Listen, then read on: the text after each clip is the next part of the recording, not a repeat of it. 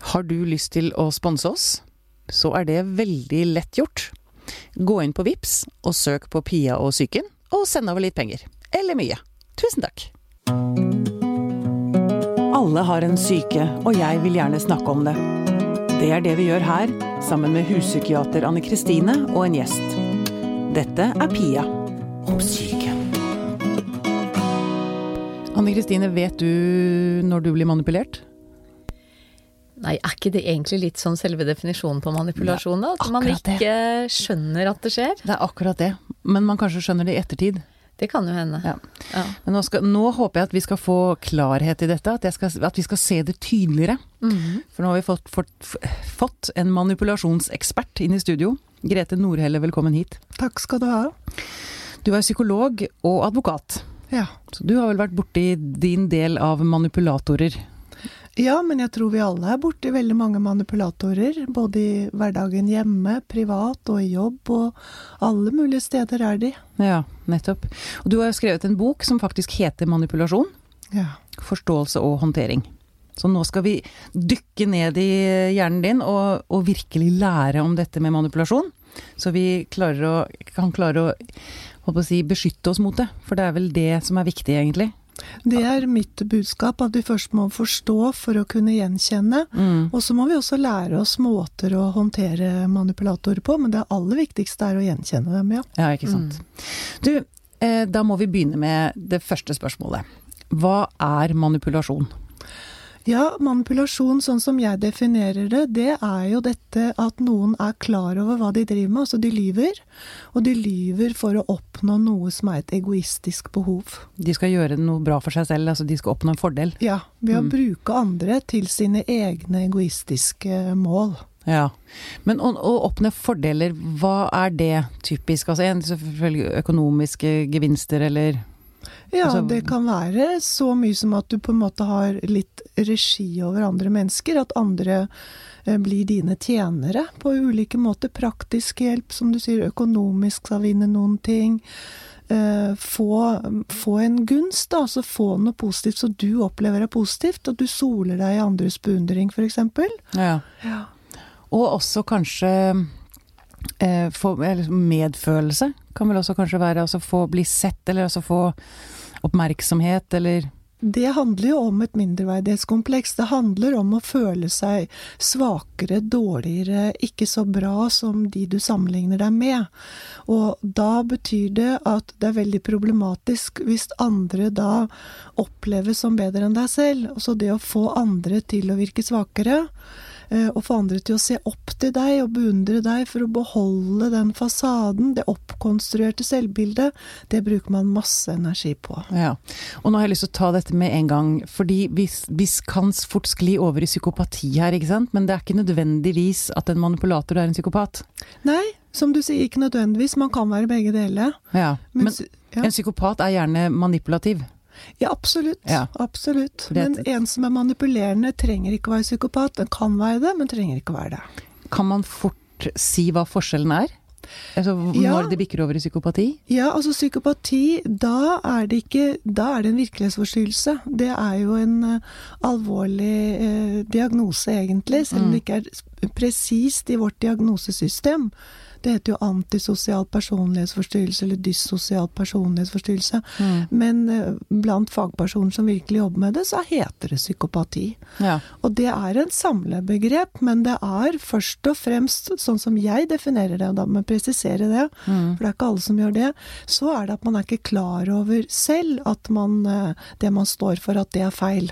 Men en Så manipulator vet det. Ja, en manipulator Akkurat. vet det. Så du kan si at i noen sammenhenger, når du vet det, og du kynisk utnytter andre Du kan jo ikke lyve når du tror på virkeligheten selv, da lyver du ikke.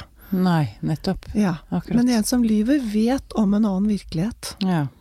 Så det kan være begge elementer. altså i Noen sammenhenger, for jeg spør jo ofte klienter om de, om de har eh, si, vært gift med, eller de har som en nabo, eller som er en som er psykopat, eller om de er på å si bare manipulerende, det er jo veldig krevende det, Mm. eh, så er det veldig ofte vanskelig å svare på det spørsmålet. Jeg spør tror du på den virkeligheten, eller tror de på den virkeligheten? Mm. Og av og til så er de veldig tydelige på svar, andre ganger vet de ikke. Nei, for jeg tenker at det må være vanskelig å liksom vite det. Altså, Ja. Hvordan vet man hva den andre liksom oppfatter som virkelig? Nei, over lengre tid så blir du bedre og bedre kjent med mennesker, så da kan Ja. du begynne Særlig når det er manipulerende. Det er ikke for tilfeldig når noen helt typisk rett foran eksamen Hver gang det er en eksamen, så setter man i gang med et eller annet faenskap som gjør at man forstyrres, så mye at man ikke klarer å ta eksamen. Ja. Eller rett før barn i en overleveringssituasjon i en skilsmisse, så gjør man en masse faenskap og gjør om på alle, alle ting som skal gjøres. Det er ikke tilfeldig når det begynner å bli veldig mye det samme som skjer om igjen i et mønster, så ser man at dette blir planlagt, Mm. arrangert, at det skal skje akkurat da og på den måten. Ja. Ok. ehm, eh, kan du gi Er det noen um, Altså Hvilke måter er det man kan manipulere på? Ja, det er eh, Jeg har skrevet opp fem forskjellige kategorier, kan du si, da, som, eh, som stimulerer ulike typer følelser i mennesker. For eksempel et når man tar en offerrolle. Det Mm. at du skal synes synd på eller få dårlig samvittighet. Stakkars meg. Mm. Og jeg vet ikke hvordan det skal gå. Og så appellerer man. Man spør ikke direkte om det man vil ha, men appellerer sånn at en som har et, eh, en empati og et godt eh, hjerte, begynner å gjøre ting på falske premisser. Det er en av kategoriene. En annen er jo at du er en viser deg veldig imponerende. Du skryter så mye av deg selv. Da kommer du til Per Gynt, altså den falske skrytepaven, som skryter på seg veldig mye, som er kanskje en liten kjerne av sannhet i, men man blåser opp bildet og markedsfører seg selv noe langt utover det man egentlig er, så andre blir imponert. Men hva var manipulasjonen der, liksom? Hva Det er å smøre, smigre andre for å bli ah, beundret. Smigre for å- andre. Mm. Ja, eller Mm. at andre skal begynne å synes at du er fantastisk, Mm. og da får man mange tilhengere. Mm. Og da får man den beundringen som man eh, trenger, for i neste omgang å bruke de menneskene enten som en tilhørerskare, eller til å være en som gjør noe for deg som du har behov for. Ja. Ok, det var to. Det er to, ja. Mm. Og så har du den hvor du indirekte truer mennesker, sånn at man blir redd. Så ut fra det at man har blitt redd, så truer med det i dag nå eksempel, at eh, ja, da kanskje jeg går til en journalist i mediene. Jeg kjenner en journalist som sikkert er interessert i dette. Mm. Så blir man livredd for at noe skal blåse opp, og så snur man og gjør som den andre vil likevel. Ja. Så det er trusselen. Og så er det ikke bare det å få andre til å bli imponert over deg, men jeg kan jo si til deg eh, Så fantastisk journalist som du er til å intervjue.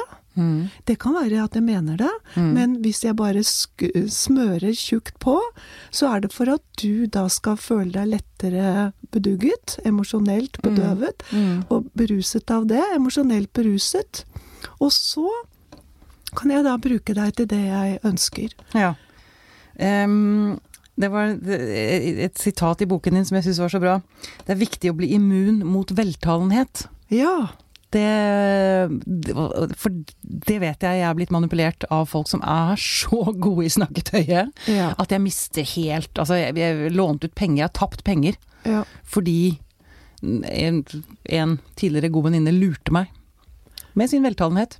Og du er ikke den eneste, skal jeg love deg. Nei. Det er jo nettopp det som kjennetegner de fleste manipulatorer, at de er veltalende.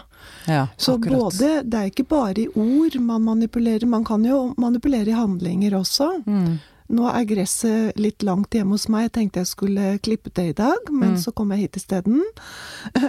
og, da, og da er det jo sånn at hvis du da vil gjerne ha noen til å gjøre et eller annet sånt noe for deg, så kan du jo virkelig appellere på en eller annen måte, og så får du de til å klippe plenen din. Ja. Hm. Så det er når du er flink til eh, å gjøre noe den veien, men så kan det være den andre veien, og det er at du skjønner at naboen din ville vært veldig glad for hvis du klippet plenen, og hvis du gjør det for naboen, Mm.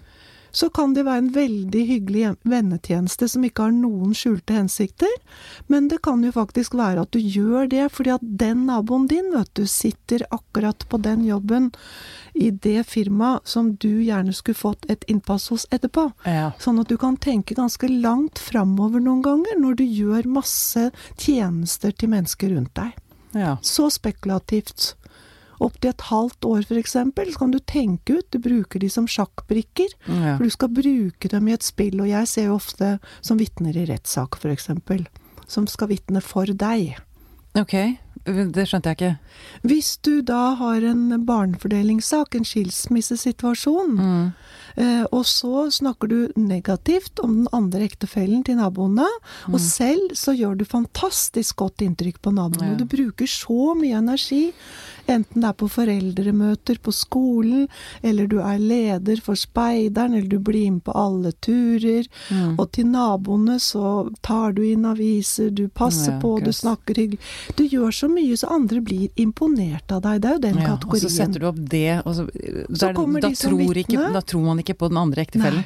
For man Nei. ser ikke den synet i det hele Nei. tatt. Nei. Nei, ikke sant. Så samtidig som man snakker negativt om den andre, og finner masse, masse å ta den for, bitte små feil som blåses opp, Mm. så begynner folk å se den andre personen gjennom de øynene. Akkurat. Som man bevisst planter rundt seg. Ja.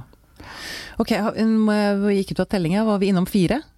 Eller har vi tatt alle fem? Nei, jeg lurer på om det bare var fire, og Fire. da begynner jeg å lure på hvem var den siste som jeg ikke har snakket om okay. nå. Du kan tenke litt på det, så kan du komme tilbake til det. Det dukker nok opp, skal du se. Ja, ja. Um, kan du si noe om hvem offeret er? Er det noen som er mer utsatt uh, som offer for en manipulator?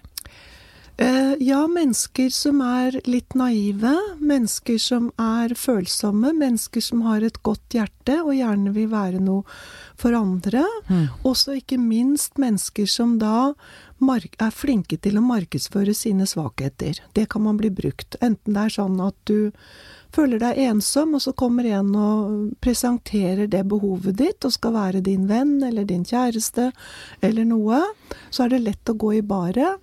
Lett å bli fanget. Ja. Eller hvis, om du ikke markedsfører svakhetene dine, at andre kan lett oppdage dem. Så det gjelder å ikke utlevere det du har av lengsler og savn og svakheter i livet ditt, til andre før du er trygge på at de er ålreite relasjoner. ja. Det betyr jo at i noen faser av livet så kan jo hvem som helst være sårbar. Ja. Det er jo sånn som f.eks. det å flytte til et nytt sted. eh, Hvis man akkurat har gått gjennom et samlivsbrudd. Altså i en del sånne faser så kan man jo være ekstra sårbar. Mm. Og hvis noen da har litt ugreie hensikter, så kan man være et lett offer ja i lett, lett bytte. Mm. Ja, selv om man vanligvis ikke er det. Mm. Så det er ikke sånn at uh, Altså, det kan skje med oss alle. Absolutt. Mm. Det å bli manipulert. Ikke sant. Um, og nå har jeg så mange spørsmål på en gang her. Men jeg må spørre. eh, hvor mye skade gjør en manipulator på en syke? Altså worst case altså, Eller det er kanskje litt ledende, eller eh, altså, de gjør mye skade. Kan potensielt gjøre mye skade. Er det meg du spør? Jeg spør dere begge, Ja. egentlig. Det er åpent forum her. Det, det varierer jo veldig mye.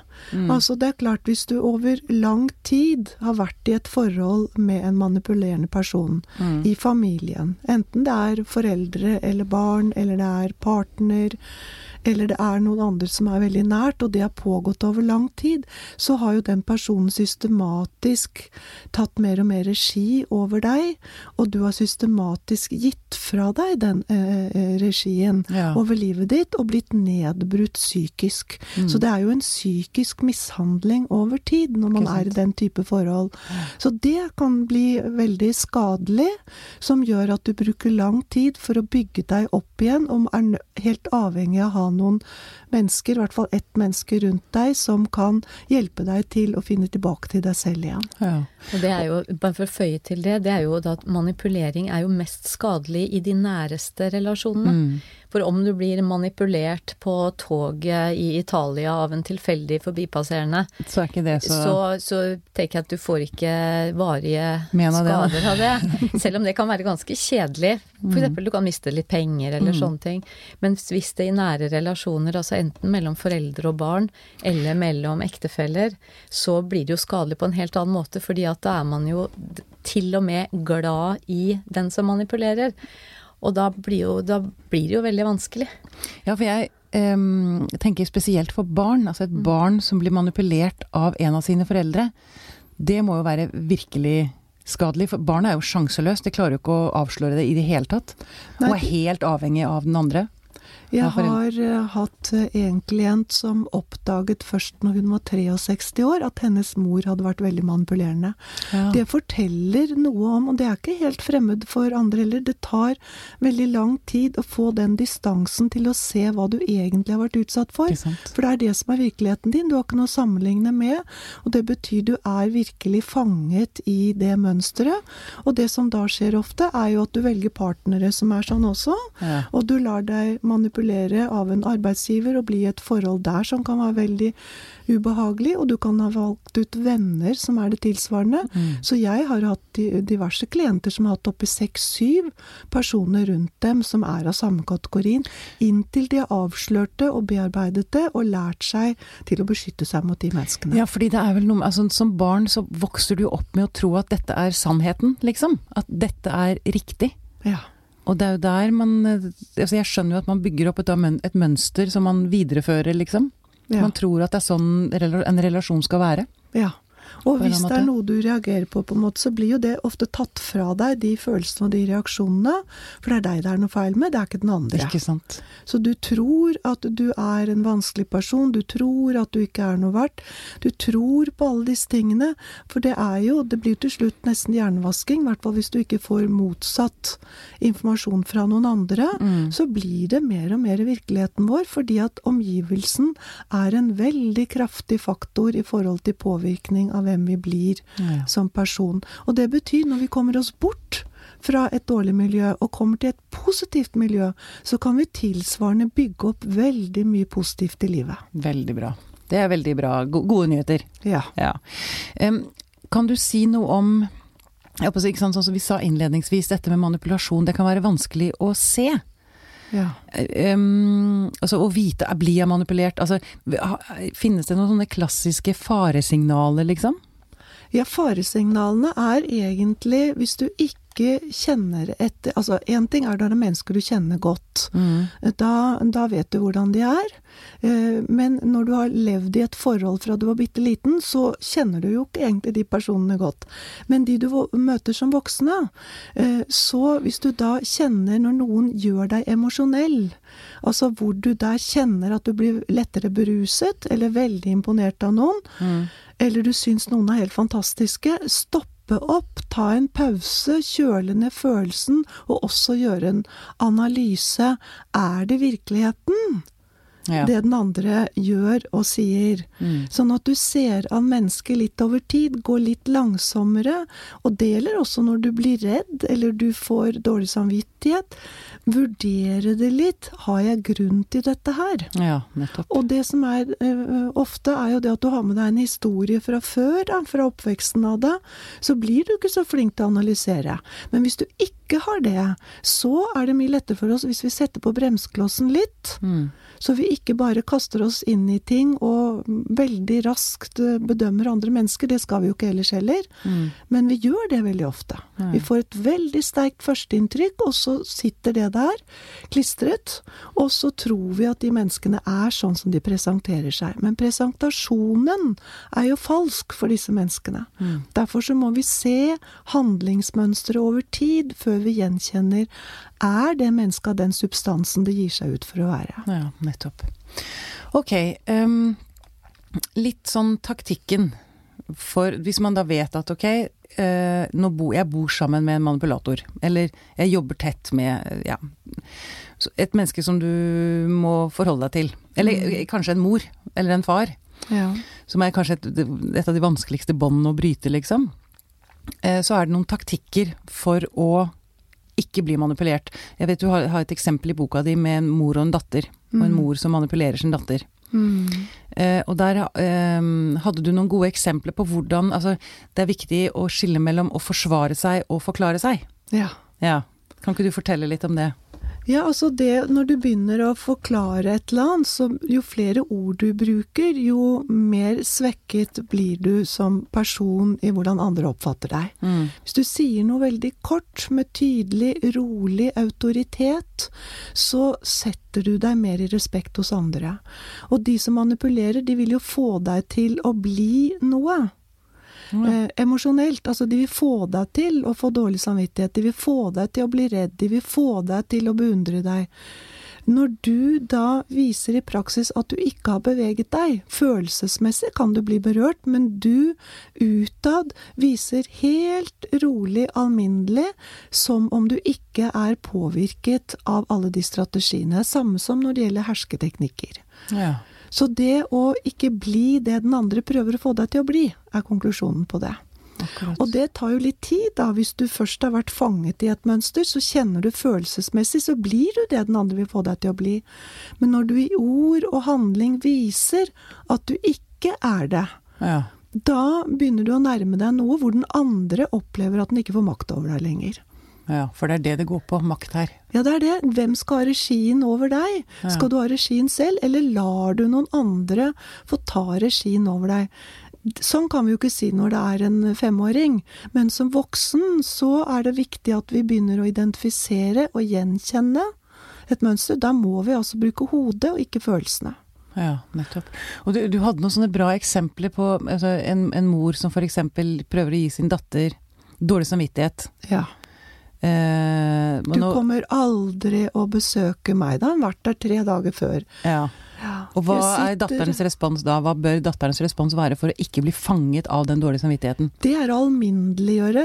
Moren gjør eh, det veldig spesielt. Du kommer aldri å besøke meg. Mm. Hvis du skal begynne å forklare og forsvare deg, så sier de ja, men jeg var der i går, jeg var der i forgårs. Da viser du at du er berørt Ja. av det hun sier. Mens du sier ja, sånn er det, mamma.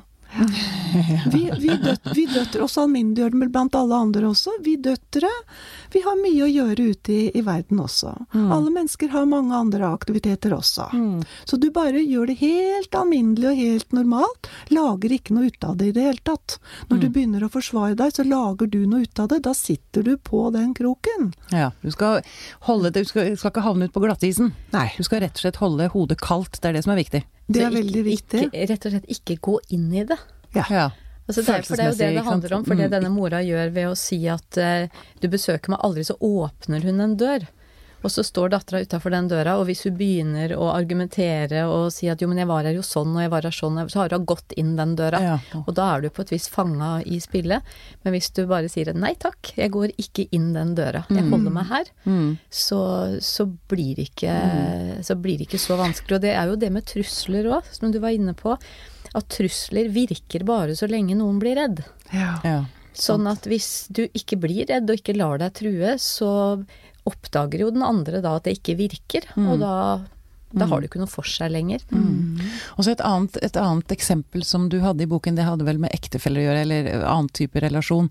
Men um, at man ikke bør gi, uh, gi for mye informasjon om hva man om planene fremover, eller altså at, at man ikke gir informasjon om seg selv. Ja. Bare på et sånt overfladisk plan som ingen kan ta deg for, eller ingen kan få kontroll over deg. Mm. Altså når man ser noen av disse parforholdene, som den ene da har passordet på alt du har, Mm. og vet hvis du kommer fem minutter senere enn det du har sagt, skal ha full oversikt over hvor du har vært da, da har de fullstendig regi over livet ditt. Mm. Så den type mennesker skal man være forsiktig med hva man sier til. Man kan si ting som den andre syns er ok, og som er litt overfladisk, Mm. og resten, det sklir man unna. Ja, være et såpestykke. Være et såpestykke. Og det er veldig lett å si, men for de som er fanget i sånne mønstre og som skal skli ut av et mønster, Mm. så trenger de eh, virkelig å trene på det, altså. Mm. Mm. Jeg har også lyst til å berøre eh, religiøs og åndelig manipulasjon. For det har vi også sett en del av. Så Scientologene annet bruker jo det. Ja, ja. Mm. Og der har man liksom den ultimate makten. mm, Hvis man, hvis man klarer å selge seg inn som den som står nærmest Gud. Ja, og som da har funnet dine svakheter, ikke sant? De Ja. intervjuer, sånn som med scientologene, så intervjuer de eller tester, sånn at man får fram da sine svakheter, og det har vi jo alle sammen. Mm. Vi har jo noen svakheter, og så presenterer de at akkurat det kan de hjelpe med i den organisasjonen. Ja. Sånn at da, når de har fått taket på deg, dine svakheter, så er det jo det de bruker eh, imot deg i neste omgang. Og det er det samme som å gi- informasjon om seg selv, om svakheter, enten det er til en eh, religiøs organisasjon, eller det er til mennesker rundt deg som du ikke stoler på. Ikke gjør det.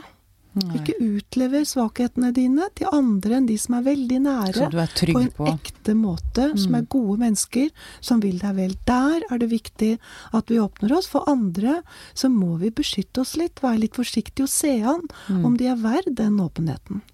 Og det gjelder alle sånne små lukkede, altså det være seg alt fra politiske til religiøse. For da er det jo nettopp den der manipulasjonen satt i system som gjør at det, folk tiltrekkes. Fordi at kommer du flyttende som student til en ny by og ikke kjenner noen, så er jo en del av disse sektene de er jo kjempegode på å være sånn 'Å, hei, vil du Ja, være med på ditten datten?' Og så er det veldig hyggelig i starten, og så blir du kjent, og så plutselig så sitter du i fella, og så er det veldig vanskelig å komme seg ut. Nettopp fordi at de vet så mye om deg, og de vet akkurat hvilke strenger de skal spille på. Ja. Så det er eh, Og og du kan si det er jo litt sånn det samme som kan skje i en del situasjoner mellom eh, voksne overgripere og barn òg. Ja. Det er det derre spillet at liksom vi har en hemmelighet sammen, Ja. vi to. Og også trusler. Hvis du forteller om dette, så kommer jeg i fengsel, og det vil du vel ikke? Og så blir man liksom sugd inn i eh, de der manipulasjonene. Ja. Eh, og så blir det fryktelig vanskelig. Mm. Og for ikke å snakke om, så vil jo overgripere stort sett eh, være manipulerende i forhold til omgivelsene også, ikke bare overfor den de forgriper seg på. Og det er veldig lett å Ja, det glemme det. Mm. når vi skal avsløre at de er glitrende til å fortelle en annen versjon. Mm. Og det er jo det manipulatorer gjør, enten det er naboene eller på skolen eller det er politikerne. Bruker masse energi på at andre rundt en skal synes en er ok. Så slapper man av på og begynner ikke å tenke kritisk kan det være mulig at den personen kan gjøre et overgrep. Mm. Så derfor det med å, å, å manipulere andre rundt seg, alle som har dårlig samvittighet, enten du er rusmisbruker, gjør jo veldig mye av det. Og veldig mange kriminelle handlinger så driver man veldig mye og manipulerer omgivelser for ikke å bli oppdaget, så man får skjule de tingene man driver med. Mm. Og, og det, er bare, så det er jo en av de tingene som du har bidratt til å sette på agendaen nå, det er jo det at, at man i rettsvesenet må bli flinkere til å avsløre manipulatorer. Ja. Og særlig det som du sa om i um, omsorgstvister og sånne ting. Mm. Hvor, hvor det er det som skjer i retten, og noen, kanskje noen få vitner som blir intervjua. Så, så er det jo vanskelig å oppdage, Ja, fordi at uh, noen er veldig gode. Da er det Ja. kanskje den som egentlig er best skikka som blir sittende der eh, og være sliten og utkjørt og redd og syk, nesten. Mm. For ønske- man blir så sliten. Og- Skulle ønske vi liksom skinte i forskjellige farger, så vi Ja. så hverandre tydelig. Ja. det hadde Eh, vært noe. Det hadde vært noe.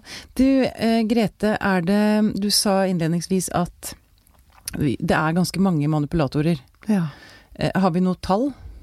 Ikke vi, men eh, jeg har min lille private tall uten at det er forskning på det, at det er kanskje omtrent 30% Å, såpass. Såpass, ja. Er det jevnt fordelt mellom kvinner og menn? Det tror jeg. Mm. Men det er forskjellige er typer forskjellig, ja. strategier man bruker ofte.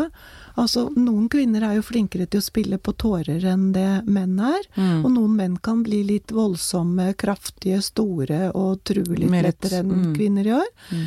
Så, men ellers så tenker jeg at det er ikke noe Det er menneskelig å manipulere, dessverre. Ja, for vi gjør det jo alle litt Ja. innimellom, uten at vi kanskje egentlig vil det, men Jo, eller vi Eller vi vil det også. vil det. Mm. Altså har vi dårlig tid og skal, eh, skal komme med den trikken, og så er det full kø, og så har vi en eller annen spansk variant på hvorfor vi må foran de andre i køen, for det var litt viktig for oss. Mm. Altså det jeg kaller hverdagsmanipulasjonen. Mm. Og den er ikke jeg opptatt med. Jeg er opptatt av det hvor du har det i din personlighet, hvor du virkelig kan plage mennesker enormt rundt deg, enten det er på jobben eller i privatlivet. Ja, nettopp.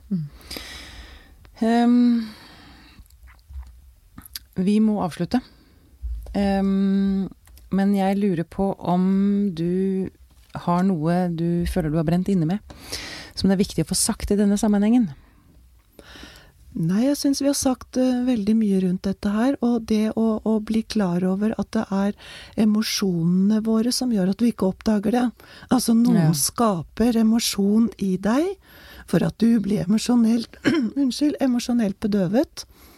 Eh, og det er da de kan utføre sånne ting, for da glemmer vi å analysere hva er det som foregår nå. Ja. Så et godt tips her er egentlig, som du sa, men jeg har lyst til å gjenta det, trekke seg ut av situasjonen. Ja. Og vurdere er dette faktisk sant. ja. Tro ikke noe- på alt du føler. Tro ikke på Ja. alt du føler. Flott. Nei, det er, eh, det er et veldig bra tips, for det går an. Og, men vil du anbefale eh, å komme seg unna? Er det liksom Det kan man ikke si- si som en fasit. Det Nei, for det gjør man jo med psykopater. Så sier man jo at det eneste forholdet man kan ha, er et ikke-forhold. Altså man kan, og det er jo en helt eget tema i seg selv, hvordan kan du holde deg inne med sånne personer så ikke de driver og plager deg så mye? Mm. Så det er jo måten du takler dem på også, Mm. som gjør om du kan leve med det, men du må bruke energi på det.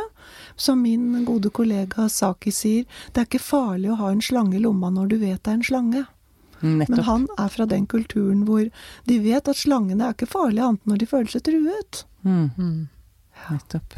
Ja. Veldig bra. Mm. Veldig bra. Da håper jeg Jeg har i hvert fall lært mye mer om manipulasjon. Absolutt. Veldig bra. Skal, nå skal jeg være superbevisst. ja. I hvert fall resten av denne dagen. Inntil jeg går i fella igjen. ja. Får håpe du ikke går i så stor og vond felle, da. Nei. Nei. Grete Nordhelle, tusen takk for at du kom og opplyste oss.